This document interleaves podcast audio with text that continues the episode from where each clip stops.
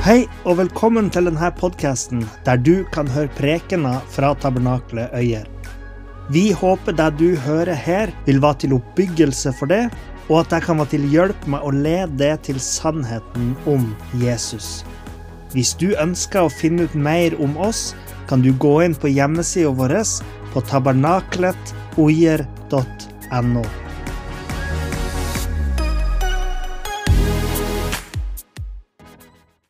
Blodspakten, Bibelens røde tråd. Kjære Herre, takk at du velsigner fortsatt. Det er ditt ord vi er samlet om. Ditt ord er levende og kraftig.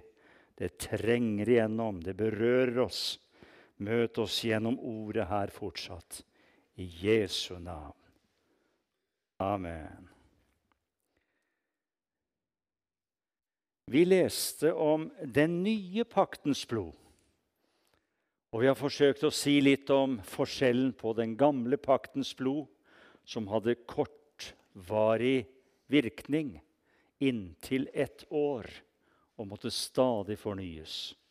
Mens den nye paktens blod er ofret én gang for alle.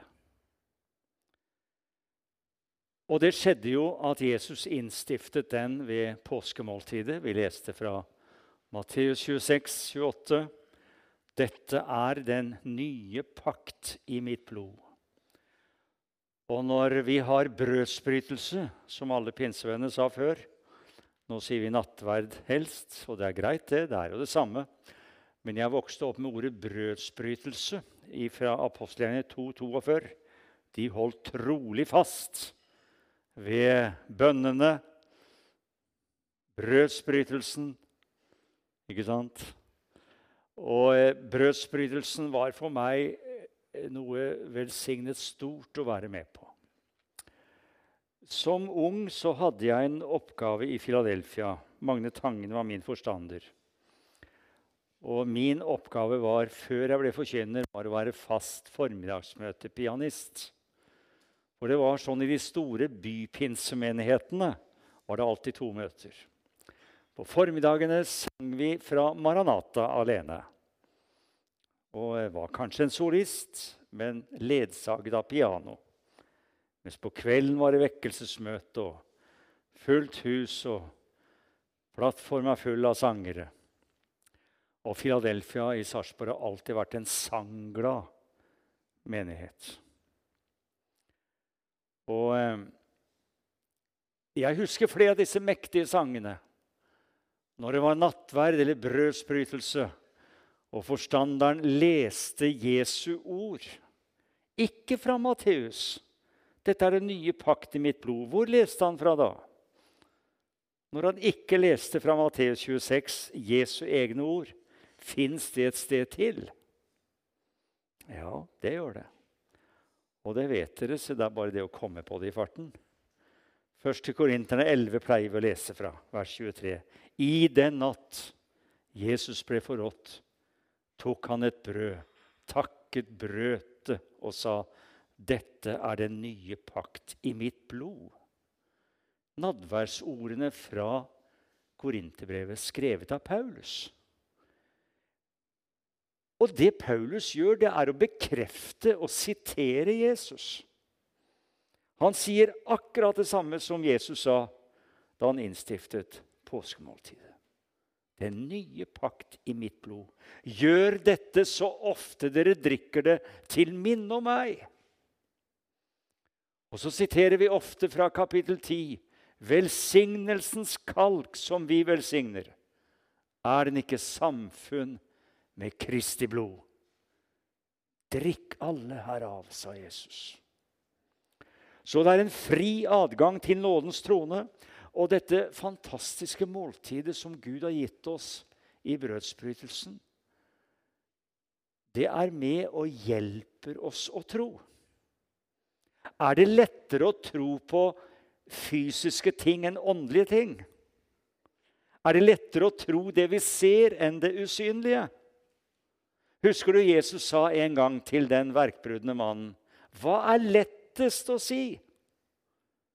Enten ta din seng og gå, eller dine synder er deg forlatt. For Jesus er begge deler like enkelt. Overfor folk kunne det høres ut som at det er lettest å si 'dine synder er deg forlatt', for hvem kunne se og kontrollere det? Men for at dere skal vite at menneskesønnen har makt til å forlate synder, så sier jeg dere, ta din seng og gå. Og Gud har gitt oss et fysisk måltid som er et åndelig måltid. Det skjønte ikke korinterne. Når de kom sammen, så spiste og drakk de seg mette på brødsbrytelse, altså på brødet og vinen. Det er ikke sånn, sier Paulus. Det får, dere får spise hjemme. Men eh, ta del i Herrens nattverd, så dere ikke gjør det på feil måte, sier han. Og så underviser han det. Men en av de sangene vi alltid sang i Filadelfia når det var nattverd eller brødsbrytelse Det var det samme. Den sto i 163. Terje Berg står det med gullskrift på den gamle Maranataen. Den står jo også i evangelietoner, men det er de gamle tekstene vi kan. Det er ikke lett å komme opp av de gamle tekstlige hjulsporene. Vi lærte det som unge, og, vi, og det sitter. Det sitter. På 163 den sang vi gjerne. Og det var liksom innledningen. Liksom. Det var på alvor. Det var på ordentlig. Innledningen til nadverden. Og vi sang 'Å dyre frelser' sjelens sikre tilfluktssted. Blodet, å det blodet, Jesu blod er nok for meg. Jesus, o min Jesus, alt jeg har i deg. Alt jeg har i deg. Takket være blodet. Og på eh, fredag, altså i går, så var ledende eldstebror Leif og jeg tilkalt til en av de eldste i menigheten ute i Salen Ullerøy, altså en av de eldste medlemmene. En uh, søster som het Randi. Hun lengtet. Kan dere komme til meg med brødsbrytelse? Og Leif tok med seg utstyret, og jeg tok Maranata. For det er de tekstene den 91-årige kvinnen husker. Så sang vi. Så brøt vi brødet. Så priste vi Jesus for hans blod så kjente vi Herrens nærvær, vi tre. For der hvor to eller tre er samlet i Hans navn, der er Han midt iblant oss. Det var så velsignet. Det var så godt. Og jeg får ikke mer enn kommet hjem, så ringer en fra Tønsberg og vil ha forbønn. Og da fikk jeg sitere igjen da, du, et lignende ord. Det som to på jorden er enige om å be om, det skal gis oss av vår Far i himmelen. Takket være Jesu blod så har vi frimodighet, hebreerne 10,19. Vi har frimodighet i Jesu blod til å gå inn i helligdommen. Og vi kan få lov til å ha en åpen adgang til nådens trone. Halleluja. Nadverden, brødsbrytelsen, er med og bekrefter både Jesus og Paulus hva de sier om blodets kraft, og at paktens blod, det er Jesu blod alene.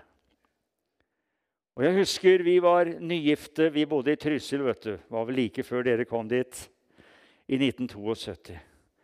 Og jeg kan fortelle en hemmelighet da.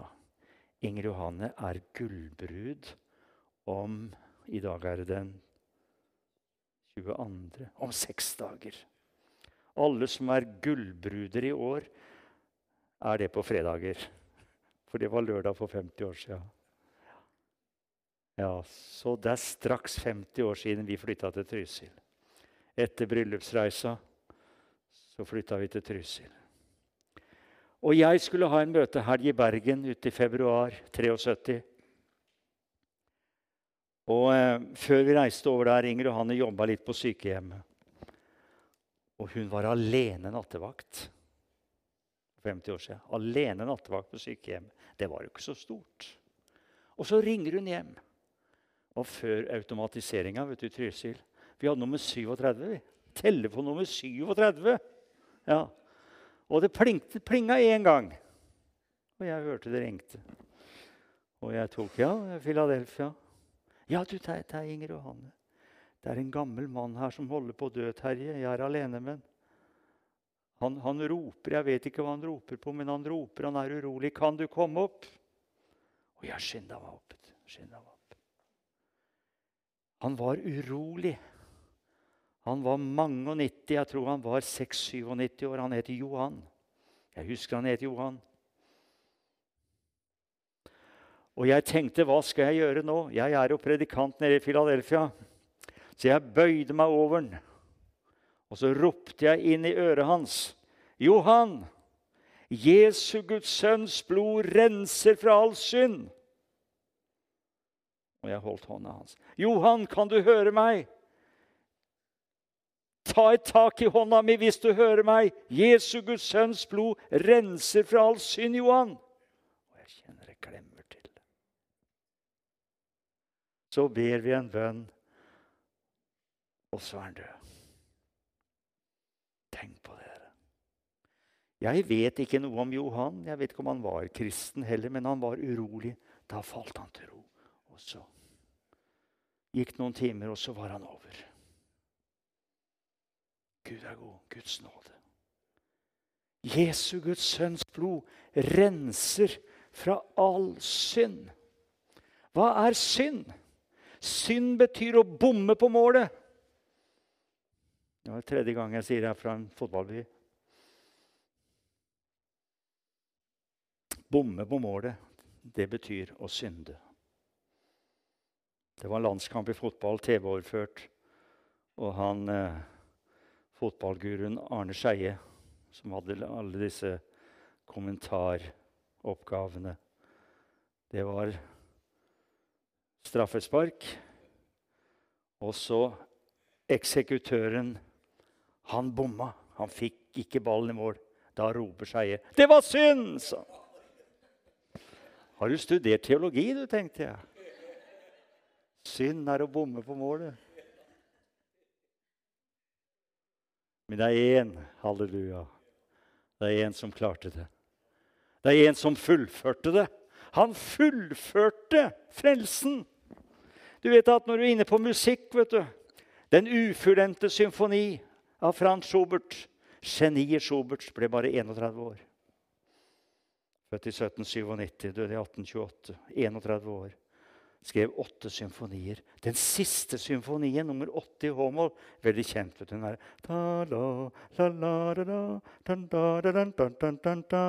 Du kjenner den? Han døde før verket ble fullført. 31 år. For ettertid har navnet fått Den ufullendte symfoni. Jesus var ikke stort mer enn 31. Han var 33 år når han døde. Men han fullførte symfonien. Han fullførte sitt livsverk. Han var ung, men da hadde han blitt prøvd i alt i likhet med oss. Dog uten synd, uten å bomme på målet. Jesus fullførte frelsen.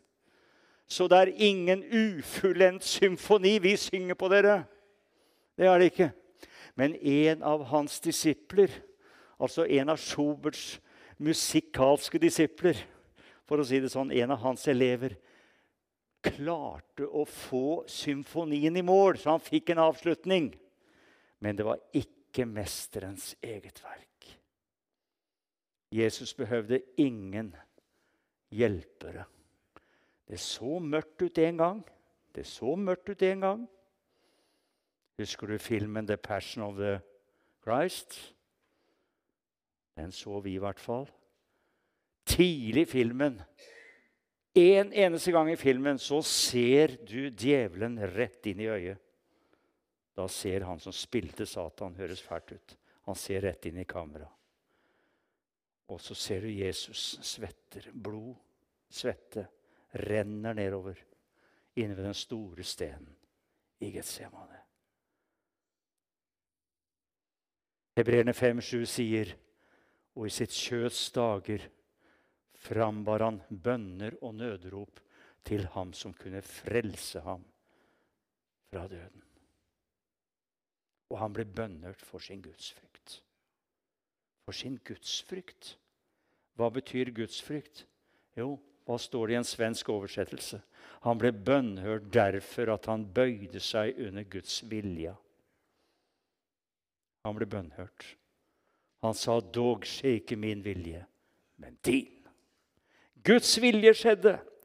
Det kunne gått galt i Getsemane, men det gikk bra.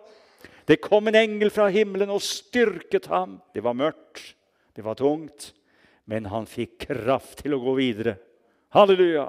Og da fikk han kraft til å gå til Golgata og fullføre verket der, så vår livssymfoni fortsatt kan være en seierssang. En seierssang. Og hva mer sang vi?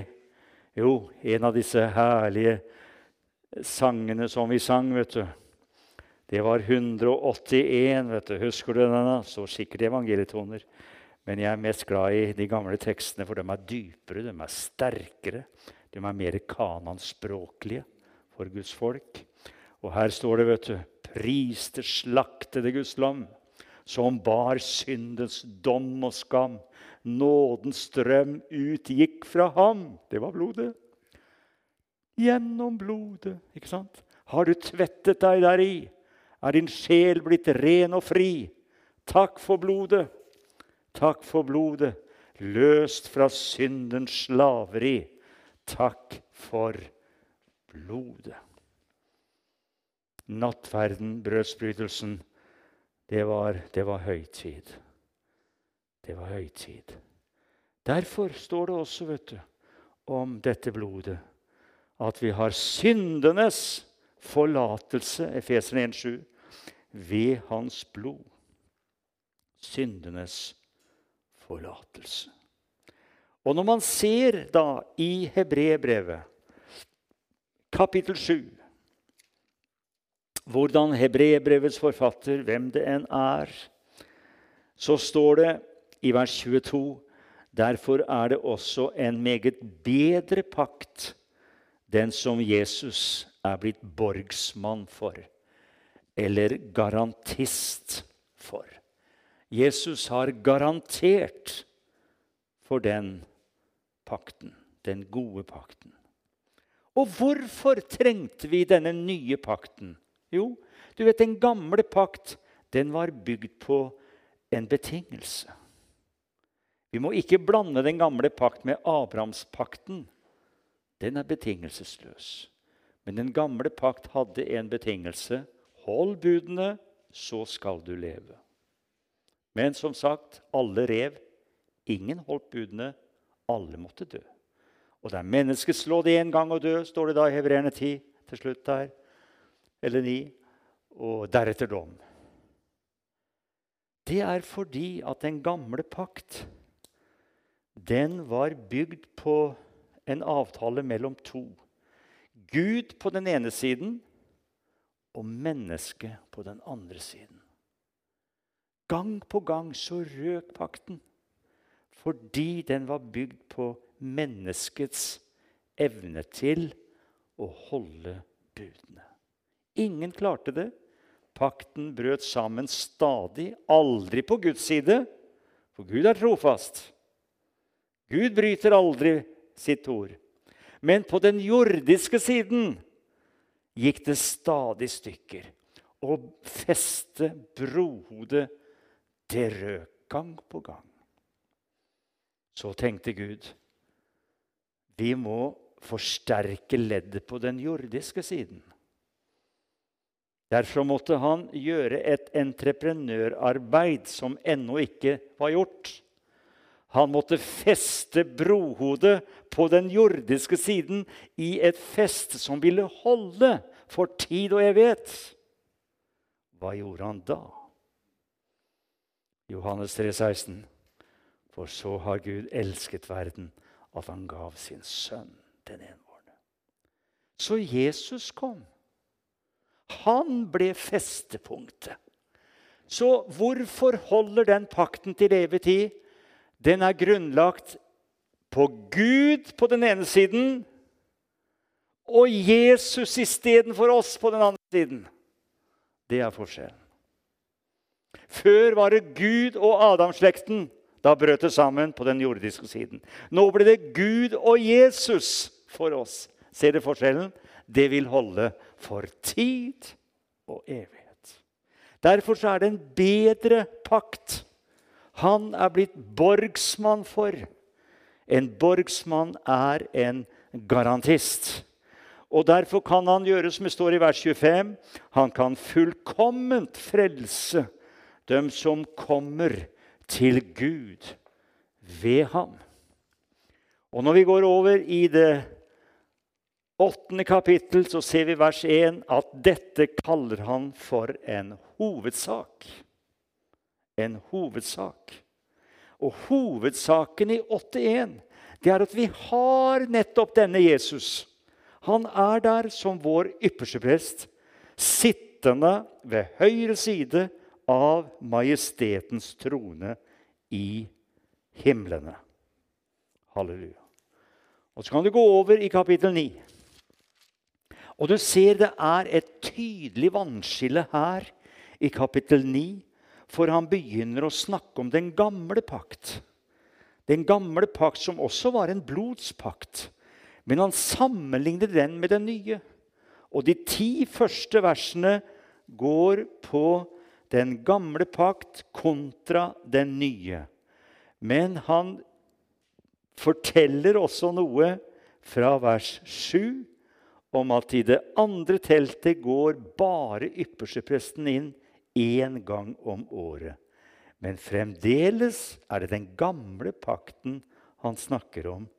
Den pakten som ikke klarte å rense samvittigheten til noen. Vers 9 og 10. Det var ytre forskrifter. Det var å tro på det forbildet som lå i den pakten. Men selve pakten med dyreblod kunne ikke gå inn i menneskets samvittighet og ånd og forandre på noe. Derfor begynner vers 11 som det begynner. Her har du vannskillet. Men da Kristus kom Der har du forskjellen. Da Kristus kom som ypperste prest for de kommende goder, gikk han gjennom det teltet som er større og mer fullkomment. Altså ikke det jordiske tabernaklet. Det som er gjort med hender. Det vil si ikke er av denne skapning. Og han tok ikke blod av bukker og kalver. Nå var den tiden over. Men med sitt eget blod, halleluja, med sitt eget blod gikk han inn i helligdommen en gang for alle. Og hva fant han da? Han fant en evig forløsning. Vers 14. Hvor mye mer enn dyreblod av bukker og okser, vers 13, skal da Kristi blod, han som i kraft av en evig ånd bar seg selv fram for Gud som et lyteløst offer. Han kan gjøre det i vers 14 som den gamle pakts prester ikke kunne gjøre. Se vers 8. Han kunne det. Det kommer i vers 14. Han kunne rense vår samvittighet. Halleluja. Vårt indre. Rense vår sjel, vår ånd. Rense oss fra kjødets gjerninger. Fra døde gjerninger. Det er synd, det så vi kan nå tjene den levende Gud. Det er jo strålende. Halleluja. Så skal vi legge merke til én ting. Dette med pakt. Vi ser at han nå er mellommann for en ny pakt i vers 15. 10-15. Mellommann for en ny pakt. Og hva resulterer det i? Jo, at vi skal få den evige arv som var lovt. Jeg husker en av de første sangene til Kjell og Odd. Husker dere Kjell og Odd? De kom jo som en frisk vind. vet du. Det var noen som syntes det var litt rart da, at Odd gjorde som ute i verden. Han brukte plekter til gitaren. vet du. Men det var fint òg, da. Og så var det trekkspill. Men det var herlige sanger. Jeg har en evig arv som venter i himmelens lyse land. Husker dere den? Når vi er over, når vi er over. Jeg har en evig arv som venter. Ble vi virkelig arvinger? I den gamle pakt så var det jødene som var arvinger. Men Gud skulle gjøre en ny pakt. Det er profetert allerede i Jeremia 31 en ny pakt med Israels hus. Ja, men er den nye pakten med Israels hus? Ja visst er den det. Se i Hebrebrevet 8, så har vi der oppfyllelsen av Jeremia 31. 8-10. For dette er den pakten jeg vil opprette med Israels hus etter disse dager. Men forskjellen er at nå er ikke loven bare gravert inn på stentavler. Jeg vil gi mine lover i deres sinn. Og jeg vil skrive dem i deres hjerte. Og jeg vil være deres Gud, og de skal være mitt folk. Ja, men vi er ikke jøder, vel?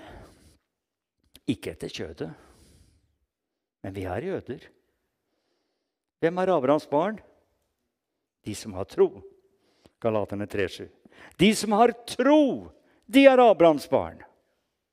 Så blir da de troende velsignet sammen med den troende Abraham. Vi hedninger, av alle stammer, ett og folk og tunger,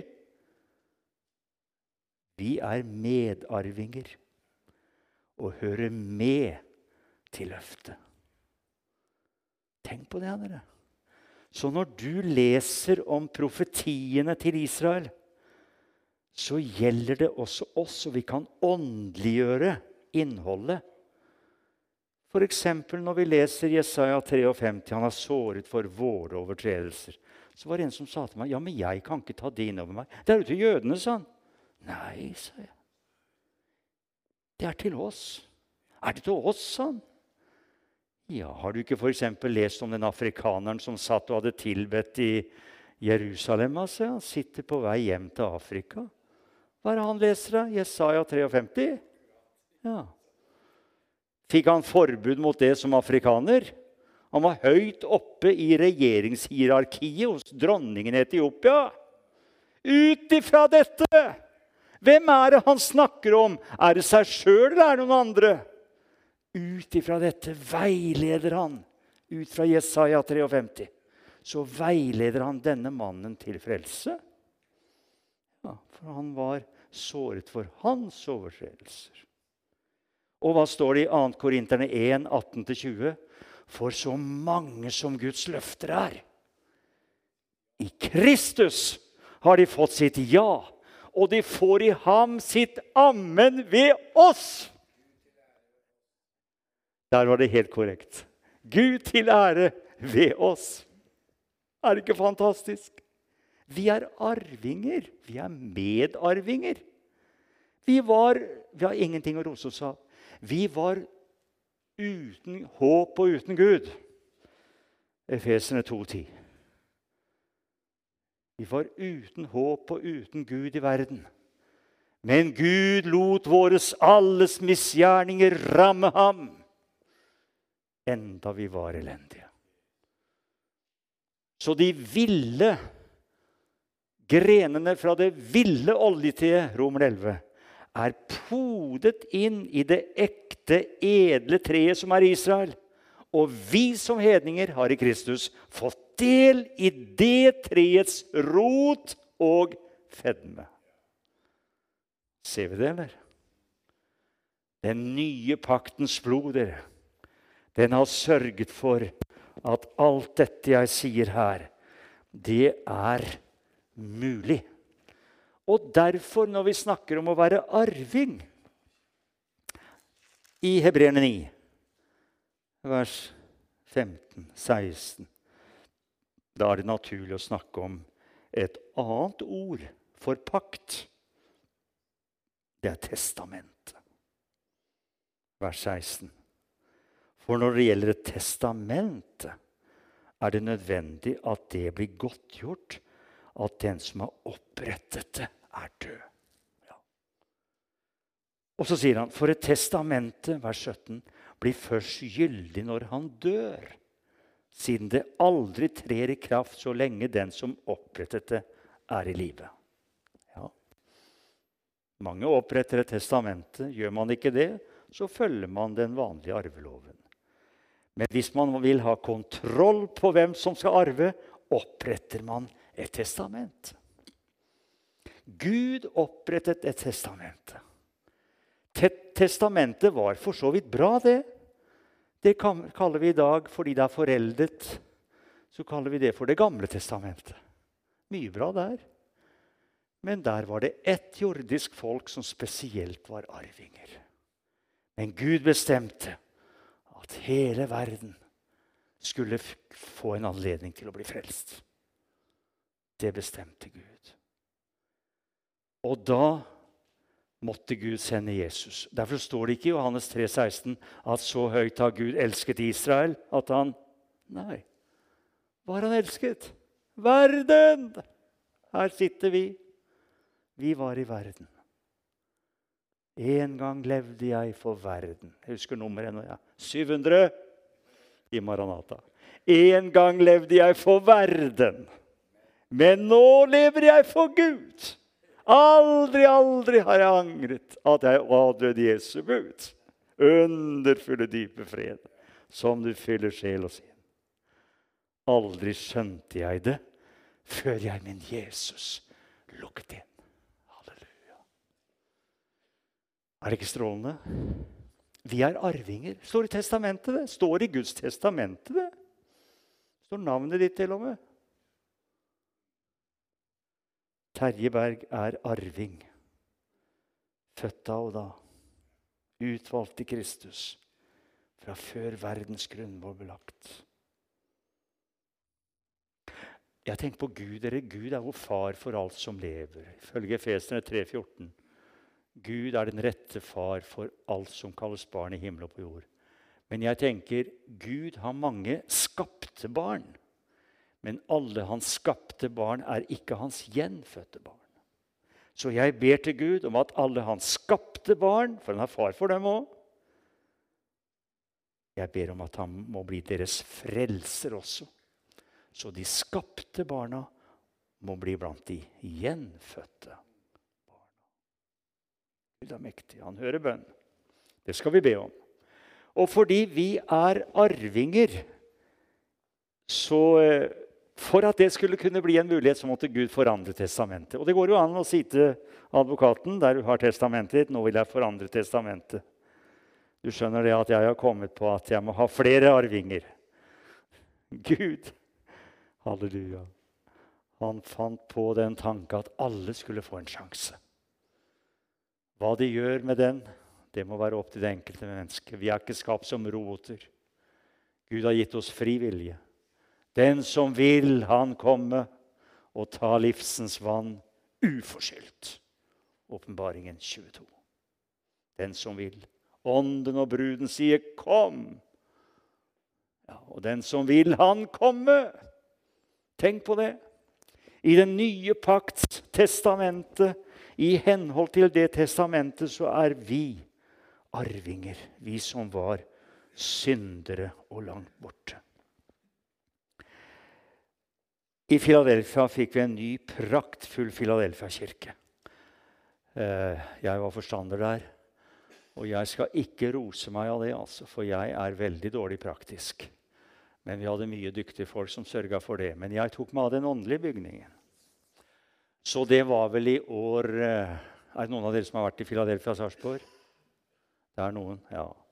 Et, en nydelig, flott er jo byens storstue, byens konsertsal, byens teaterscene. For da må du se det som noen som bare leier huset. Ikke sant? Det er en fantastisk flott Philadelphia-kirke. Og den har til og med gått videre, lagd nye rom i kjelleren. En veldig sterk, oppegående pinseforsamling. Philadelphia Sarpsborg. Og spørs om ikke dere hørte dem synge i Philadelphia Oslo på onsdag. Jeg tror de har landets største og beste menighetsmusikk også for tiden. Alltid vært Mye sang. Det er 40 stykker i menighetsmusikken. Det er nesten ingen menigheter som har i dag. Så vi takker Gud for menigheten i Filadelfia. Men vi, vi, vokste ut av det gamle Filadelfia. Vi vokste ut av det. Og vi trengte nytt Filadelfia. Og eh, etter en familievekkelse så ble det vedtak om å kjøpe dette gamle Televerkets bygg i Sarpsborg. Og styret sa 'gi det til Filadelfia'. Vi gamla med en halv million, 7,5 millioner, det sto i åtte. Og vi kjøpte det. Og vi måtte jo også påkoste en del millioner. Og ble et veldig bra lokale for Filadelfia. Og like før vi begynte den byggeprosessen, så ligger en av de aktive, gode brødrene i det gamle Filadelfia han ligger for døden. Det er langfredag, og jeg preker på møtet. Og så får jeg en telefon. Jeg tror det var torsdag. altså Jeg tror det var skjærtorsdag kveld. Som jeg fikk en telefon fra sykehuset i Fredrikstad om at eh, det er en som heter Henry her. Jeg kan si fornavnet Henry. Han, eh, han gjør det ikke så lenge, men han har kommet i nød. Han må snakke med forstander. Hva, hva gjelder det? Jo, han, han må få, få, gitt en gave til Filadelfia-bygget. Han, han, kjenner det, og, og, det haster. Han lever ikke lenge. Kan du, pastor, ta med deg et par vitner og komme ned til sykehuset i Fredrikstad? Ja, jeg reiser ned. Det var to pleiere der også som var vitner. Og mannen var jo blitt nærmest døende i løpet av den natt til langfredag. Og ganske rart at det var langfredag også, den dagen Jesus døde for oss. Og eh, det var tidlig om morgenen. Jeg dro ned sammen med to til. Og vi blir geleidet inn på rommet der. Og der ligger mannen. Og det, Han er vanskelig å få kontakt med, men han visste og skjønte sånn i, i tåka rundt ham. Han var jo langt inn i døden. Men det er underlig hvordan Gud var der. Og han hadde nærværelse til å skjønne hva som foregikk. Det ble godkjent. Det ble godkjent av sykehuset, for å si det sånn. Ja, Det var like før eh, det ikke var mulig å godkjenne det. Men da gjør jeg noe jeg aldri hadde gjort, og ikke hadde jeg forstått uttrykket 'påholden penn'. Påholden penn. Jeg hadde hørt om å skrive med påholden penn. Hva gjør jeg for at han skulle få skrevet under? Jeg tar tak i hånda hans så legger den gamle mannen hånda si inni min hånd, og så skriver vi. Vi skriver hans navn. Vitnene underskriver. Det er godkjent. Jeg kommer hjem fra det samværet, spiser middag, så ringer telefonen. Vil bare opplyse pastor Henry er død. Like inn i døden ble testamentet forandret. Og mange tusen kroner, mange titalls tusen, gikk rettmessig til Filadelfia. Dere, vi er arvinger. Gud forandra testamentet sitt. Er ikke det bra? Hadde vi bare hatt Det gamle testamentet, så var det jødisk. Det var jødene. Men Gud forandra testamentet, for så høyt har han elsket verden. Det ble et nytt testamente. Det nye testamentet. Du kan lese om hvordan Jesus kom til oss alle. Og så ser du hvordan hedninger over hele datidens Romerrike blir frelst. Du ser det så mektig. Og Paulus han underviser. Han faller på kne sammen med eldsterådet nede i Efesus, på stranda nede i Milet. Der faller han på kne, apostelgjerningene 20. Og så ber de, tårene renner, de gråter, han takker Gud og sier, 'Ta vare på menigheten, brødre'. Det kommer glupende ulver inn som ikke skåner menigheten. Ta vare på dem, for de er vunnet ved Jesu blod ta vare på hele jorden. Og det er hyrdenes store oppgave. Det er å ta vare på jorden som han har vunnet seg gjennom sitt blod. Apostelgjerningene 20, 28. Halleluja. I kraft av en evig paks blod, Hebreerne 13, 21. En evig paks blod førte fårenes store hyrde, vår Herre Jesus, opp fra de døde. Jo, det synger i våre hjerter. Det synger i våre hjerter. Og jeg synes sanger om blodet det berører meg veldig sterkt. Inger Johanne òg veldig til å prise Jesus for blodet. Vi synger hver morgen etter andagsstunden vår, så stemmer Inger Johanne i 'Å, det dyre Jesu blod'. Jeg må ikke bare ha gamle sanger, altså, men jeg er veldig glad i disse sangene. som jeg lærte i min ungdom. Jeg synger gjerne de nye lovsangskora og har balanse der. Men, eh, men det kan ikke slå ut de gamle sangene. Så den ensidigheten som ofte er nå, den syns jeg ikke noe om. Så det er godt å ha litt i begge vektskåler. Så blir det en veldig bra resultat. Takk for det blod som renser. Og så sang vi ofte Å, gjør min sjel hvit som nyfallen sne. Halleluja. Og det står noe der om blodet. La blodet rense hver synd du kan se. Og vi sang under ditt blod, det dyre blod. Under den rene, sunne flod. Før meg frelser fra dag til dag under det dyre blod. I morgen, siste møte, da skal vi tale om blodets sang i himmelen. Sangen til den forløste skare. Vi skal gå inn i åpenbaringen 5, blant annet, og se hvem som synger det slaktede Guds lams sang sangen om blodet. Og vi skal gå videre inn i himmelen og åpenbaringen og høre ekkoet av bruden som lovpriser ham, og de mektige fire halleluja-ropene fra åpenbaringen 19. Og vi er inne i lammets bryllup og lammets bryllupsnattverd. Halleluja. Og hvor vi skal inn i det Gud har beredt for oss. Takk for at du hørte på.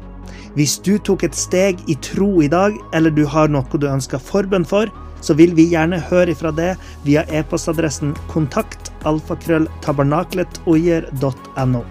Du er òg velkommen til våre ukentlige gudstjenester i menighetslokalet i Haugskutua 5 26 36 Øyer.